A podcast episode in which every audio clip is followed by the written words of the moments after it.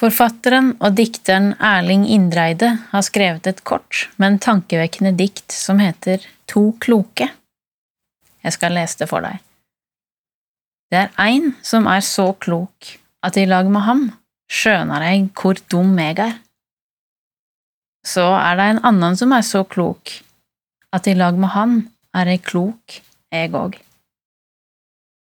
Det er godt å bli møtt av mennesker som vi kan kjenne oss kloke sammen med, som møter oss på en sånn måte at vi ikke defineres av feiltrinn vi har gjort, eller av begrensningene våre.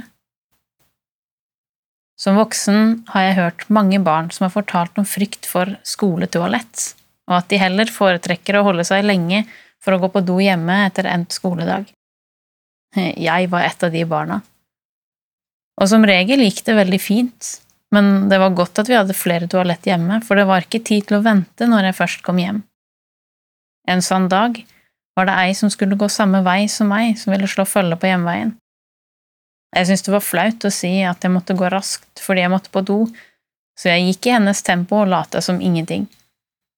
Den jenta er jeg sikker på at brukte dobbelt så lang tid på skoleveien som det jeg pleide. Lettelsen var stor da vi svingte hvert til vårt. Jeg småløp så godt det lot seg gjøre med sekk på ryggen og vinterkledd. Jeg håpet i det lengste på at blæra skulle holde. Det er en viss sjanse for at det bare er den som har sittet på huk på naboens gårdstun med altfor mye klær på kroppen som blir våte på den barnsligste måten man kan komme på, som kan forstå hvor liten og dum jeg kjente meg noen minutter senere. Jeg husker ikke så mye av de siste meterne fram til døra hjemme, men jeg kan huske hvordan jeg ble møtt da jeg kom inn. Sjøl så jeg ikke noe annet ved meg enn det som nettopp hadde skjedd men mamma tok imot meg som noe ganske annet, nemlig som jenta hennes som trengte trøst. En mann som må sies å ha gått inn i historien som kjent for sine begrensninger, er Sakkeus fra Jeriko. Byen han bodde i, var en plass som mange handelsreisende måtte passere med varene sine. Derfor hadde romerne, som var de som bestemte Israel på den tida, satt opp en tollbod der. Alle som reiste ut og inn av Jeriko, måtte betale litt for å få lov til å ta med seg varene sine. Tollpengene gikk til romerne, Israels fiende og undertrykker.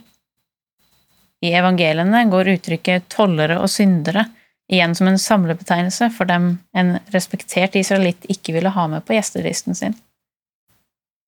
I tillegg til at tollerne jobbet for fienden, var det en kjent sak, og nærmest forventa, at de i tillegg til romernes tollsatser krevde inn litt ekstra skatter som havnet i tollerens lommer.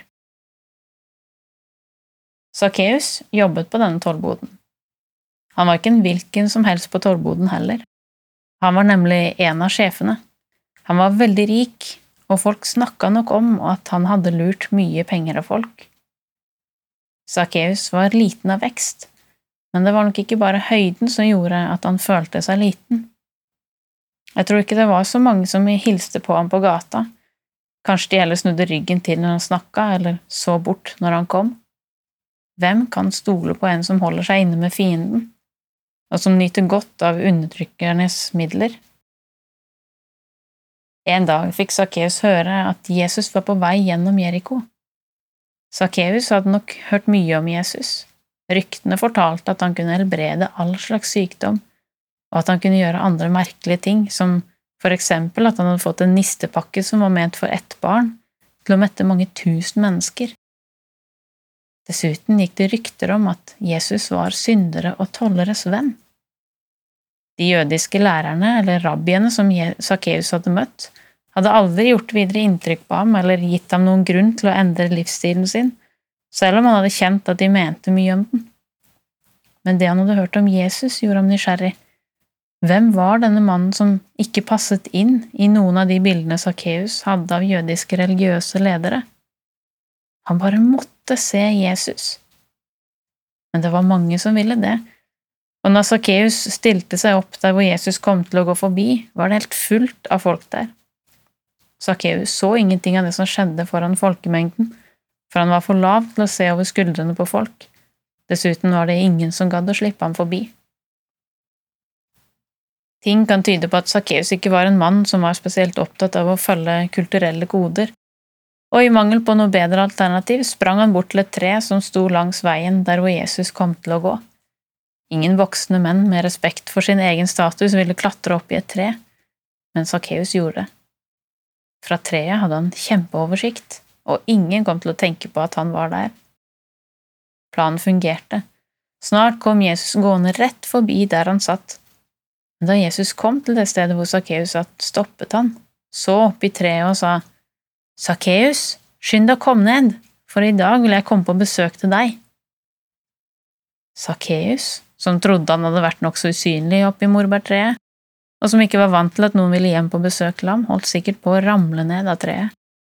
Tenk av alle de menneskene som var der den dagen, hadde Jesus sett ham, og han kunne navnet hans. Jeg skulle likt å være på den festmiddagen hos Sakkeus den dagen.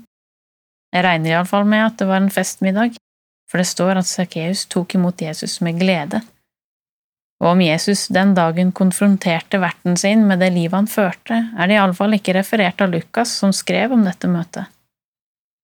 Uansett hva som ble sagt eller ikke sagt, tror jeg Sakkeus denne dagen traff en mann som var klok på en sånn måte at han selv også kjente seg klok i møte med ham.